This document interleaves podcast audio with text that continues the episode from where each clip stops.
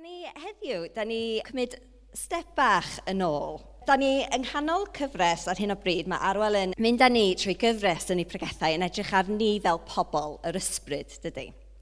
A mae hwn yn y trydydd o tri gyfres da ni wedi bod yn edrych ar fel eglwys. Nathon ni cychwyn rhyw flwyddyn yn ôl, dwi'n gwybod os da chi'n cofio, yn edrych ar yr eglwys fel cymuned. Oedd pobl yn pregethu ar sut ydyn ni yn gymuned, sut ydyn ni yn byw allan y galwad beiblaidd yma i'r eglwys cleol bod yn gymuned distinctif, radical, o gariad, o gras, o maddeiant, cymuned sy'n groesawgar, um, cymuned sydd agored i bawb. Ac yna athyn ni ymlaen wedyn i'r ail gyfres mewn rhan, y ail rhan o'r tri, yn edrych ar yr eglwys cenhadol. A be di'r galwad beiblaidd ar ni, fel eglwys lleol, i estyn allan o'r cymuned radical yma, estyn allan gyda'r newyddion dda am Iesu Gris. A wnaeth ni sbi ar styd, mae hyn yn golygu llawer mwy na'n geiriau ni a datgan y newyddion da, er mor bwysig ydy hynny. Ond mae um, cenhadaeth yn gymaint i wneud hefo'r ffordd da ni'n actio'r ffordd da ni'n ymddwyn, ein gweithgareddau ni, a'n cymeriadau ni, ac e mae o i wneud hefo'n geiriau ni, so wnaeth ni sbi ar hyn. A wedyn da ni wwan yn edrych ar bod yn bobl yr ysbryd. Ac actually, mae hwnna'n clymu bob dim at ei gilydd, cys da ni'n mynd gallu bod yn cymuned radical o gariad heb yr ysbryd glân, a da ni'n gallu gwneud cenhadaeth yn llwyddiannus heb yr ysbryd glân yn, um, yn, yn, yn ymplith ni, yn, yn, yn rhoi pwer i ni. Ac yna, so dyna, so mae'r tri fatha'r peth yma'r cymuned, um, eglwys yn cenhadu a, a bobl yr ysbryd. Y pethau da ni, mewn ffordd, yn teimlo sy'n bwysig i hunaniaeth ni fel eglwys lleol, pethau sy'n priorities i ni fel eglwys. A beth dwi eisiau meddwl am heddiw, di cymryd step yn ôl, a mae'n ma ffitio'n rili really dda hefo beth arwel yn, yn pregethu ar wythnos dwytha. A dwi eisiau ni gyd gofyn y cwestiwn, i'n hunan, be di rhan fi yn hyn i gyd? Dim fi. Da chi'n mynd gofyn be di rhan Mari. Da chi'n gofyn be di rhan chi yn hyn i gyd. Be di'ch rôl chi? Wrth i ni meddwl nôl dros bod yn eglwys, yn gymuned, eglwys sy'n estyn allan a eglwys sy'n llawn yr ysbryd glân. Fydd y rhai mwyaf observant ohonoch chi yn gweld bod na Lego ar y sgrin. Mae Lego yn bwysig iawn yn tu ni. Um, a mae rhaid i fi dweud, actually, mae o'r, or holl tegana, mae un o'r pethau um, dwi'n mwynhau y mwyaf. Um, a mae yna can hyfryd plant yn y Saesneg, dwi'n meddwl bod wedi cael ei gyfieithu, sy'n mynd fel hyn, building brick ydy enw fo. Jesus, build your church, you're the builder of the world, you're the maker of the earth and sky and sea. Every little brick is a person just like me. And the greatest rock of all, of course, is Jesus. Ag um, dwi yn caru'r can, mae wedi dod bach o ffefryn yn tu ni. Jesus, build your church, and every little brick is a person just like me. Mae ma, uh, Iesu yn adeiladu ei eglwys, a ni ydy'r brics. A ma, ma, wrth gwrs, mae'r ma, can yna yn gyfeiriad um, llythyr Paul i'r Effesiaid, lle mae o'n siarad am um, ni'n cael ei adeiladu a'n cysylltu a'n gilydd i wneud teml byw, dydy, da ni'n y pobl fel Briggs, mae o'n defnyddio y, y, y darlun yna. A felly, os da chi yma bore yma a da chi'n gristion, da chi'n fricsen. okay? A os da chi ddim yn gristion eto, mae yna gwahoddiad i chi ddod yn bricsen yn yr eglwys um, cyffroes yma. Uh, es i'n bach yn distracted, mae rhaid i fi deud i Gwenar, pan o'n i, on i trio meddwl ydw i gallu dod â fatha mwy o analogy Lego i fewn, so nes i bach o ymchwil. Sa'ch rwy'n licio gesio faint o gwahanol darna Lego sy'n na, dim as in efo gwahanol fath o darnau. So dim just y bricks, mae yna ma lot mwy na just bricks o'n, os da chi, dwi'n gwybod pa mor uh, faint yn ôl oeddech chi'n chwarae fel Lego dweitha, ond mae yna so elements, da ni'n sôn am gwahanol bitiau, so rhai bricks, ond mae yna olwynion a bobl a falle. Rwy'n eisiau ges, faint hanol. Neil, any advances? 3 biliwn. Dim cweud 3 biliwn. Mae yna 2,350 gwahanol element o Lego a 52 lliw gwahanol. Just uh, o ran interesting facts of the day. Uh, so actually, dyna lle mae'r analogy yn really disgyn i lawr. So, oce, okay, mae yna llwyth o gwahanol bits o Lego, ond Pan maen nhw'n creu Lego, maen nhw'n creu miliynau o bob un darn, dydyn. A mi mae yna bilion o darnau Lego rond y byd. A maen nhw'n gwneud lot nhw, obviously, yn un peth. A dyna lle maen nhw'n wahanol. Yn yr eglwys, does na ddim un fricsen yr un peth. Okay? Mae Dyw wedi wneud ni gyd yn wahanol. Mae wedi creu ni yn bobl unigryw. Mae wedi creu ni yn, yn, yn special, yn, da ni, pob un o'n ni'n unigryw, a da ni pob un o'n ni hefo rôl unigryw i chwarae yn ei eglwys o.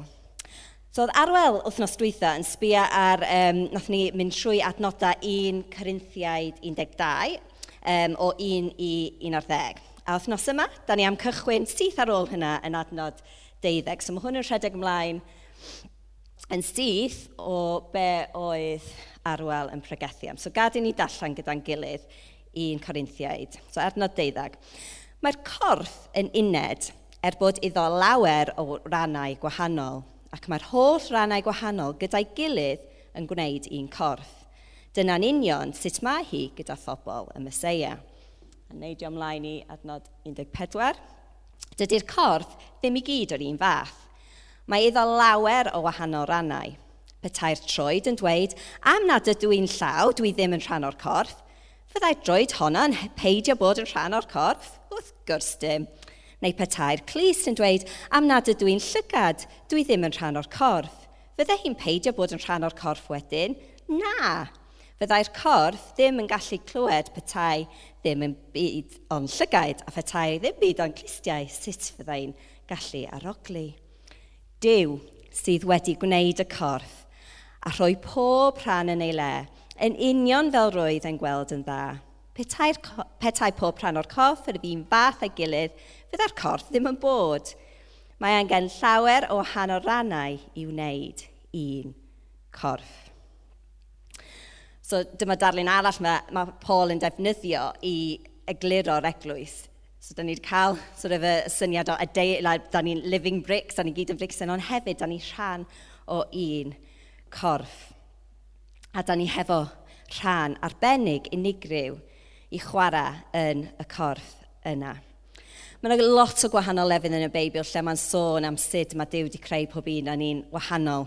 Dwi am um, darllen o Jeremia bore yma. Mae yna, so ni wedi gallu dewis llwyth o adnodau. Dyma mae'n deud yn Jeremiah. Dyma'r aglwydd yn rhoi neges i mi, meddwl Jeremy. Ro'n i'n dy nabod di cyn i mi siapio di yn y groth, a wedi dy ddewis di cyn i ti cael dy enni, a dy benodi di'n broffwyd i siarad a gwledydd y byd. So mae Dyw yn nabod ni. Mae yn nabod pob un ohono ni mama, Mae Dyw yn nabod chi. Mae o wedi dewis chi, a mae o wedi benodi chi i wneud ei waith o. A mae hwnna'n edrych yn wahanol i bob un ohono ni. Ond fel, os ni'n meddwl am y, y disgrifiad nawr o'r corff, Tod, mae, mae pob darn o'r corff yn bwysig. Does na ddim un darn sydd ddim yn bwysig. Mae pob un darn, maen nhw'n wahanol iawn. Mae pob un hefo significance, hefo arwyddocad, gyda ystyr a gyda gwerth. A so be dwi eisiau ni meddwl trwy heddiw ydy, o sut da ni'n gweithio allan be di rôl ni? yn yr eglwys. Sut yn ni'n ni darganfod be mae Dyw eisiau ni wneud fel rhan o'r cymuned yma a fel rhan o'i genhadaeth o a be di o eisiau wneud yn bywydau ni trwy pwer yr ysbryd glân. A dwi eisiau cynnig i chi bore yma uh, bod Dyw gyda gwaith gweinidogaethu i bob un ohono ni yn ei eglwys a gwaith cenhadaeth i bob un ohono ni yn y byd. So wrth i ni no, meddwl nôl dros y tri gyfres, a lle da ni wedi cael un, e, um, hyd yma yn be mae Arwel yn siarad i. Be mae Dyw yn deud i fi am hyn i gyd? A mae'n rili really bwysig pan da ni'n meddwl am y gair gweinidogaethu, mae'n ma, ma hawdd yn wedig, dwi'n meddwl, yn y cyd-destun Cymreig. Ti'n meddwl am hynna, o, wel, da ni sôn am y pregethu neu'r arwain yr addoliad, y pethau up front. A wrth gwrs, mae yna alwad ar gwahanol bobl i wneud y pethau yna. Ond dim dyna be di gweinidogaeth. Mae hwnna rhan ohono fo, ond pan da ni sôn am wasanaethu a gweinidogaethu, da ni sôn am llawer, llawer mwy.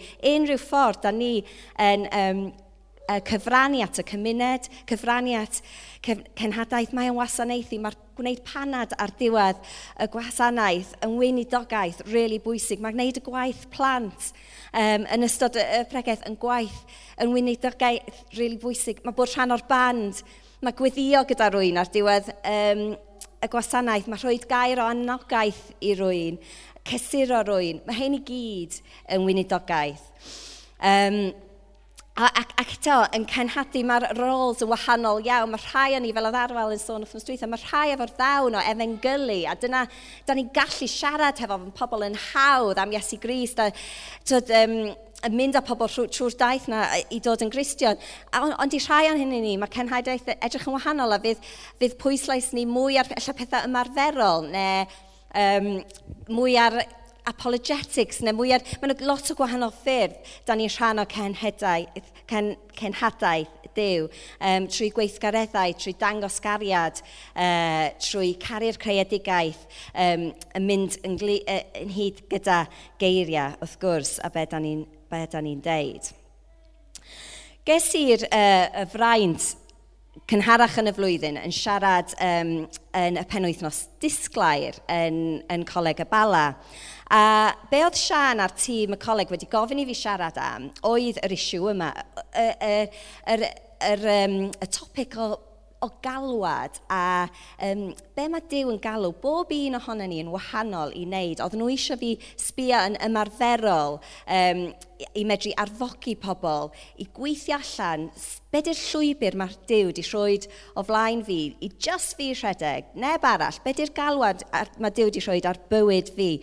Um, oedd, so nes i gwario lot amser cyn y penwythnos yn gweddio am hyn, yn trio gweithio allan be o'n i'n credu am hyn i gyd a, a sut i helpu eraill um, medru darganfod y galwad yma gan Dyw a, a, a cerdded y llwybr mae Dyw wedi rhoi o'i flaen ni. A oedd um, arwel di, di awgrymu allan, swn i'n rhannu peth o hynny gyda chi fel, gyda ni fel eglwys lleol yma yn Gynarfon. Actually, mae'n ffitio'n rili really da ymlaen o be oedd Arwel yn sôn am wythnos dwytha, ac wrth i ni adlywyrchu nôl ar y tri topic. Dwi'n meddwl bod o'n amser um, da i stepio nôl a meddwl be, be mae Dewi deud i fi yn gyd o hyn. So ymddiheiriadau i'r bobl oedd yn bala, achos ella fydd hwn ychydig bach yn repetitif, ond gewch chi na i defnyddio fo fel refresher, neu gewch chi fynd ar eich ffôns a uh, dilyn y rygbi, dwi'n mynd meindio. Um, ond Dwi eisiau jyst cyflwyno yn lot fyrach na nes i'n bala, peidiwch pwy nes i siarad am, uh, nes i wneud dau sesiwn tri chwarter awr yn bala. Um, mae hwn, mae bod lot, lot uh, um, fyrach.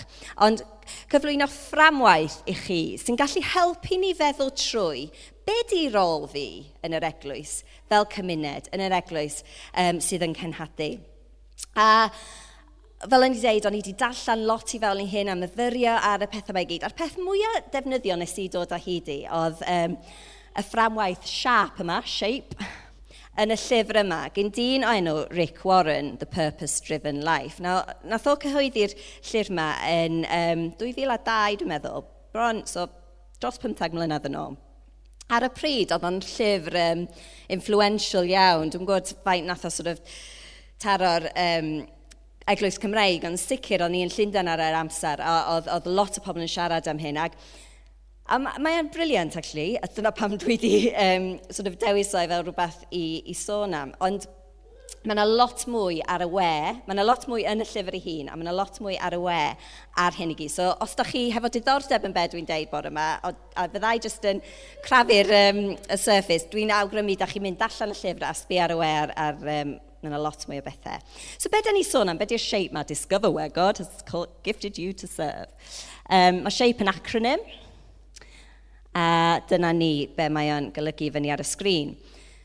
Spiritual gifts, doniau ysbrydol, heart, calon, abilities, gallu, personoliaeth a brofiad experience.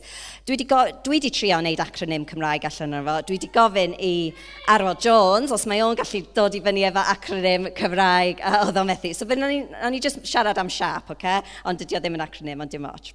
A be mae Rick Warren yn deud ydy hyn, the best use of your life is to serve God out of your shape. To do this, you must discover your shape, learn to accept it and enjoy it, and then develop it to its fullest potential. A fel, dyn, fel o'n i dweud, mae'r pethau mae'n gallu helpu ni i feddwl. Fframwaith, help ydi o, fframwaith. Diolch yn rhywbeth di a gwyn lle you know, da ni'n gallu gweithio allan, ia, definitely dyma beth dwi'n neud. Ond mae'n gallu rhoi pointers i ni, helpu, trwy gweddi, mynd at Dyw a gofyn be, be ti'n galw fi i wneud. So, yn cychwyn, y doniau ysbrydol. A dwi ddim am deud llawer am hyn, achos nath arwel pregethu'n ffantastig ar y nhw nos dwytho. Os oedd, os oedd chi ddim yma, dwi'n annog chi gwrando ar y pregeth os ydych chi ddim wedi yn barod. Um, a nath arwel mynd trwy, egluro y gwahanol uh, doniau neu e, ar ran rhegion sy'n ar gyfer pob gredinwr. So mae hyn yn pethau da ni'n gael pan da ni'n dod yn gristion. Mae'n y gwahanol lefydd yn y Beibl lle mae, um, lle maen nhw'n cael eu rhestru fel oedd Arwel deud, oedd dweitha, da ni'n mynd ennill nhw. A da ni'n mynd gallu dewis nhw, actually. Dio ddim fel um, rest y siopa, lle da ni'n cael un yna, un yna, un yna. Diw sy'n rhoi nhw mae o'n penderfynu pwy mae eisiau i cael um, pob uh, don neu anrheg. Mynegiad o gras Dyw ydyn nhw. Ac um, fel oedd Arwel dweud, da ni rhaid i ni fynd at Dyw mewn gweddi am y mater yma, i, i trio um, ffindio allan be, be di yr anrhegion mae Dyw wedi roed i ni. Ond mae Rick Warren hefyd yn deud hyn, a dwi'n meddwl bod hwn yn, yn helpful. Pan da ni trio darganfod, be di gifts fi? Mae, Rick Warren dweud, many books get the discovery process backwards. They say, discover your spiritual gift and then you'll know what ministry you're supposed to have. It actually works the exact opposite way. Just start serving, experimenting with different ministries, and then you'll discover your gifts. No matter how old you are, you're never too old to stop experimenting. When it doesn't work out, call it an experiment, not a failure. Dwi'n licio hwnna. So ella bod yna rhywbeth, da ni jyst angen stepio allan mewn ffydd, dechrau wasanaethu mewn rhyw ffordd, um, dechrau um, ymarfer mewn ffordd yr anrhegion ysbrydol a gweld beth sy'n digwydd. A mae grwpiau cymuned, mae grwpiau bach o ffrindiau gallu bod yn ffordd ffantastig o wneud hynny. A da ni'n cofio um, be di uh, pwynt yr, yr yr anrhegion. Feddi pan bod nhw yma mae Dyw yn ei heilion i wedi rhannu rhyw ddawn o'i gilydd i bob un ohonech a ddylech wneud defnydd da ohoni drwy wasanaethu i bobl eraill. Maen nhw ar gyfer yr eglwys, maen nhw ar gyfer yn gilydd, dim i ni'n hunan. Ac um, mae mor hawdd cymharu yn hunan i bobl eraill yn dydy, ond gadw ni jyst annog yn gilydd yn y donion mae Dyw wedi roed i ni. A um, yn lle, a dim cymharu'n yn hynna'n gyda pobl arall uh, yn hyn i gyd. Yr ail peth yn y fframwaith ydy'r calon. A mae hwn yn sôn, mae Rick Warren Mam yn sôn, am bedych, beth sy'n neud chi'n excited, beth ydych chi'n passionate am pan ydych chi'n meddwl am yr eglwys fel cymuned, pan ydych chi'n meddwl am cenhadaeth. Um, a Dyw eisiau ni wasanaethu fo allan o lle o gariad, allan o lle o passion, a dim allan o lle o ddiletswydd. Mae'r Gwarin yn dweud, figure out what you love to do, what God gave you a heart to do, and then do it for his glory. A mae yna Mae'r pethau mae gyd yn bwysig, fel dwi'n meddwl na Tharwel eglur yn rili really dda othnos dwytha, fatha mae yna lot o bethau da ni gyd angen gwneud a credu bod nhw'n bwysig, ond mae'r rhai pethau mae Dyw yn rhoi i ni yn arbennig i fod yn i wasanaethu mewn a fod yn excited am y pethau yma. Da chi'n gwybod pan da chi'n meddwl am rai pethau, maen nhw just, well, fel dwi'n deud, just neud i calwch, dwi eisiau byrstio bron iawn, dwi'n mor excited am y peth. Dwi'n cofio deud hwnna i Caleb rhai blynyddoedd yn ôl, nes i deud, oh, Caleb, dwi'n mor excited, dwi'n bron a byrstio. A wedyn oedd yna dawelwch a cwbl o munud a wedyn, oedd nath o deud, bydd o'n brifo, mam. Oh, bydd be'n brifo, Caleb, pan ti'n byrstio. Ond da chi dall beth sgennau, y, y pethau na sy'n really mwy na just, o oh, ie, yeah, mae hwnna'n bwysig, mae mwy na hynny ar yng nghalon ni. Ac eto, mae hyn yn wahanol i bob un ohono ni. A dwi'n sbio rownd, a dwi'n gweld chi, a dwi'n gwybod, mae yna gwahanol bethau da chi gyd yn passionate am. Rhai ohono ni gweddi di pethau ni. A da ni jyst yn passionate am y capel bod yn yr eglwys lleol, bod yn corff sy'n gweddio. Mae rhai ohono ni addoliad i'r be sy'n really yn excitio ni. Um, I fi, fel mae lot o chi'n gwybod, um, yr amgylchedd a caru'r amgylchedd fel rhan o be mae Dyw wedi galw ni wneud ydy, ydy un o'r pethau sy'n really pwysau'r calon fi. Um, a un o'r pethau dwi eisiau annog uh, yr eglwys i wneud. A dim pawb fydd yn teimlo'r un peth fel di deud, mae, mae o'n sôn am rhywbeth o'n i'n ffeindio reit donio, mae'n sôn am beware of passion projection. Um, o hyn pan, da ni mor passionate am rhywbeth, a da ni'n mynd yn rili really flin, achos dim pawb, di pawb arall ddim yn teimlo mor grif â ni. Ond mae rhaid ni parchu bod gyda ni gyd pethau gwahanol, da ni yn mynd yn excited am, ac eto annog yn gilydd yn y pethau yna. Dod, sut ydw i'n gallu helpu pwy bynnag um, i, i annog yr eglwys i weddio mwy. Sut ydw i'n gallu helpu bobl i arwain a ddolid? Hynny, you know, really annog yn gilydd a helpu yn gilydd yn y gwahanol passions mae Dyw wedi rhoi uh, i ni gyd. A'r un nesaf, gallu, abilities. So mae Rick Warren yn sôn am hyn, mae'n ma hyn yn wahanol i doniau. Mae doniau rhywbeth, mae um, Crisnogion, pan da ni dod yn Cristion, mae yna doniau ysbrydol ar, anghal, ar hyfer ni. Mae hwn yr, y gallu mwy i wneud efo'r talentau naturiol sgyna ni. Ac eto, da ni'n gweld o'n amlwg yn ymhlith ni, dydyn, mae rhai ohonyn ni y well mewn cerddoriaeth neu eraill. Dod talent da ni wedi cael es bod yn fach ella. Rhai o'n i well yn maths, rhai o'n i well yn sgwennu yn siarad. A, ond mae gyd o'r pethau yma, maen nhw dod o Dyw. A sut ydym ni gallu defnyddio nhw i, i addoli fo i fod yn rhan o'r cymuned a i cenhadu. A dwi'n quotio Rick Warren lot, achos dyma di'r llyfr, ond mae'r stwff mae'n deud, mae'n briliant. Mae'n deud, there are no unspiritual abilities, just misused ones.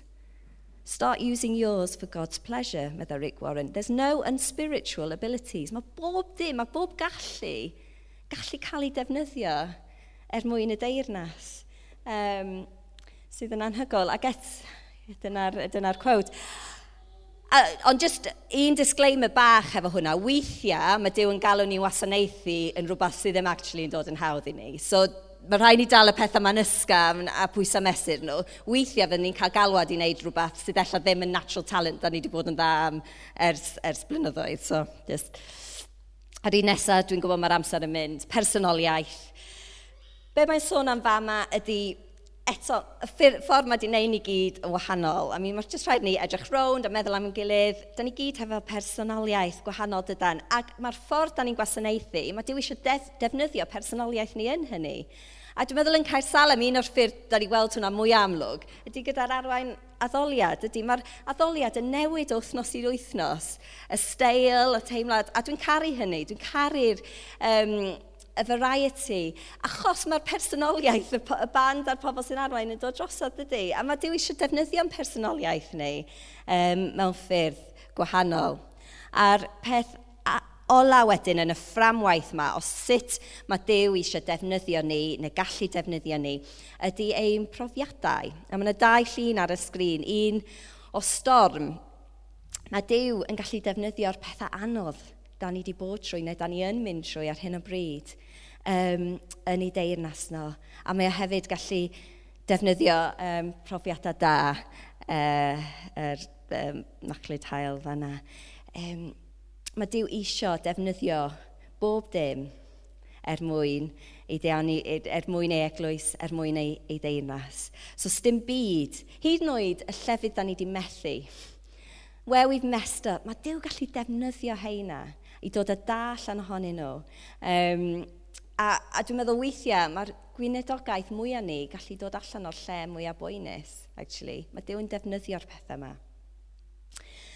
A hefyd y pethau da, wrth gwrs, mae da ni'n cael profiadau da a da ni'n gallu defnyddio heina i fendithio eraill. So dyna very, very quick um, skip through y fframwaith yma. Fel ti dweud, mae yna ma gymaint mwy ar gael um, i disgrifio'r pethau yma. Ond, ond mae o'n deud, mae o'n sort of cloi e, y pethau fel, you'll be most effective when you use your spiritual gifts and abilities in the area of your heart's desire in a way that expresses your personality and experiences. So, os da ni'n adlywyrchu nôl, fel dwi'n dweud dros y tri gyfres, a adlywyrchu ar y gwahanol pethau da ni wedi clywed beth bore yma, be ydy eich galwad chi? Be mae Dyw yn galw chi i wneud? yn y cymuned a mewn cenhadaeth. Mae Dyw di'ch gwneud pob un o'n ni'n unigryw a di rhoi galwad arbennig i bob un ohono ni. A sut ydy ni am ymateb i hynny? Dwi eisiau dweud, dwi'n dwi, dwi gwybod mae'r amser yn mynd, ond just um, tri peth gyflym cyn gorffan fel... So fel o'n i dweud, o dyma o, o be o'n i'n siarad yn, yn disglair, ond o'n i'n gweddi a meddwl trwy beth hwn yn golygu i cael salam, a mae yna tri peth dwi eisiau deud. Un ydy, mae yna dymhora gwahanol mewn bywyd. Okay, a mae yna tymhora lle mae gennym ni lot i roi. A mae yna tymhora lle does gennym ni ddim llawr, a mae hwnna'n oce. Okay. Mae yna tymhorau lle mae gwynidogaeth ni i'r teulu agos, because dyna sydd angen. So plant bach gyda ni, mae hwnna'n adag arbennig yn bywyd os mae da ni'n gofalu am aelodau'r teulu'n hun ella. Mae yna gwahanol dymhorau a mae yna gwahanol cyfrifoldebau ar ein bywyd ni. So dydy hwn ddim i wneud neb teimlo'n eog. a os, os mae ffocws chi yw gorfod bod rhywle arall, mae hwnna'n oce okay, a da ni fel eglwys eisiau annog chi a cefnogi chi yn hynny. Ond, os mae o'n adeg lle da chi actually'n teimlo na, dwi eisiau step, dwi eisiau camu mewn i mwy o hyn, dwi eisiau dwi eisiau ffeindio allan donia fi, dwi eisiau gwasanaethu mewn gwahanol ffyrdd. A mae yna gymaint o gwahanol ffyrdd da chi'n gallu gwasanaethu. Os da chi'n teimlo da chi eisiau ella helpu gyda'r gwaith plant, bod rhan o'r band a da chi erioed i bod o'r blaen. But, you know, helpu efo'r beth bynnag. Dewch i siarad efo rwy'n, a sa'n ni'n really licio annog pobl i stepio i mewn i be ydych chi'n teimlo am y dew yn rhoi ar calon nell a gwaith hollol newydd. Um, Ia, yeah, so mae yna gwahanol dymhora yn, yn bywydau ni. Ella da chi'n teimlo, da chi'n rhy ifanc i hyn i gyd, neu ella da chi'n teimlo, da chi'n rhy hen i hyn i gyd, a'r ateb ydy, tuff, does na ddim esgus hefo'ch oed chi. Os da ni'n chwibio nôl i'r um, adnodau yna o Jeremiah, da chi'n cofio o'r cychwyn, so mae, Je, mae Dyw wedi deud i Jeremiah, mae yna galwad ar, eich, ar dy fywyd di, dwi eisiau dwi'n anfon i chdi i hyn. A be mae a Jeremiah yn atab, mae o'n deud o feistr arglwydd, allai ddim siarad ar y randi, dwi'n rhy ifanc Ond dyma'r arglwydd yn atab, Pai dweud dwi'n rhy ifanc, bydde di mynd i ble dwi'n danfon di a dweud beth dwi'n dweud wrthio ti. Paid bod awn pobl, meddai'r arglwydd, chos dwi gyda ti i ofalu amdana ti. So os mae, da chi'n meddwl da chi'n rhy ifanc, dyna gair dew, paid deud dwi'n rhy ifanc. Alla bod rhai o'n chi'n meddwl da chi'n rhy hen. Mae genna un gair i chi, Abraham roedd Abraham yn 75 pan oedd o gychwyn ar y daith o Dyw wedi galw fo ar. So, sneb rhy, rhy hen i hyn. Alla ddech chi rwy'n lan y canol fel fi a just teimlo, ddech chi mewn midlife crisis. Na, mae yna galwad arno ni gyd. Dim ots pa mor hen a ifanc. Um, a'r trydydd peth, does na ddim gwasanaeth dino, does na ddim byd yn y deyrnas sydd yn insignificant. So mae weithiau mae ministry ni, mae o behind the scenes, neb arall yn weld o, ond mae Dyw yn gweld o. A mae Dyw yn gweld ac yn, mae Dyw yn gwerthfawrogi fo yn fawr. So dwi'n dwi, dwi gwybod dwi wedi cyfro lot bore yma a fod wedi deud ymddeiriadau rhai sydd wedi clywed rhan o hynna ar blaen. Ond dwi'n meddwl bod o'n neges bwysig a mae neges da ni wrth i ni cario ymlaen o angydarwel yn mynd yn edrych a bod yn bobl yr ysbryd gai annog chi really deud, Dyw, beth ti'n deud i fi yn hyn i gyd, a beth i galwad chdi i fi. Dwi just um, gorffan trwy dallan dau adnod um, un annog ni. Actually, tri. Hebreaid deuddeg, oes, mae tyrfa enfawr o'n cwmpas ni yn dweud mae trystio Dyw ydy'r ffordd orau i fyw. Felly gadewch i ni gael gwared a phopeth sy'n dal ni nôl yn arbennig y pechod sy'n denu'n sylw ni mor hawdd. Gadewch i ni fod yn benderfynol o ddal ati a rhedeg y ras sy'n o'n blaenau i'r diwedd. Rhaid i ni'n hoelio'n sylw ar Iesu. Fe ydy'r cempan, cempan, cen, campwr a'r hyfforddwr sy'n perffeithio ein ffydd ni. Mae hyn i gyd am Iesu. A wrth i ni wasanaethu, wrth i ni um, yn gwahanol ffyrdd, gad i ni'n hoelio'n sylw ar Iesu, chys bod i'r rheswm da ni'n neud hyn i gyd. Da ni'n mynd ennill ein achubiaeth ni, mae o di wneud y gwaith yna i gyd. Da ni'n neud hyn mewn ymateb i be mae o di roed i ni allan o gariad. Ac yna Hebreaid 13. Dwi'n caru hyn, dwi'n gweddio, y bydd Dyw sy'n rhoi heddwch perffaith i ni yn eich galluogi chi i wneud beth mae e eisiau. Dwi'n gweddio y bydd Dyw drwy'r Messiah Iesu yn eich galluogi chi i wneud beth sydd yn ei blesio be. Mae'n heiddi ei foli am byth. Amen. So dyna'r gweddi i ni bore yma. Dyw wneud i galluogi ni i wneud y pethau ti wedi galw ni i. Wneud i dangos i bob un ohono ni. Um, be ti'n galw ni i yn y tymor yma. Neu di'n helpu ni glywed beth ti'n deud. Neu di helpu ni annog yn gilydd um, efo'r gwahanol galwada ti'n rhoi ar ein bywydau ni. A Helen, ei di helpu ni camu mewn i mwy o bes gen ti, ni fel eglwys a ni fel unigolion, unigolion trwy pwer dy ysbryd glân.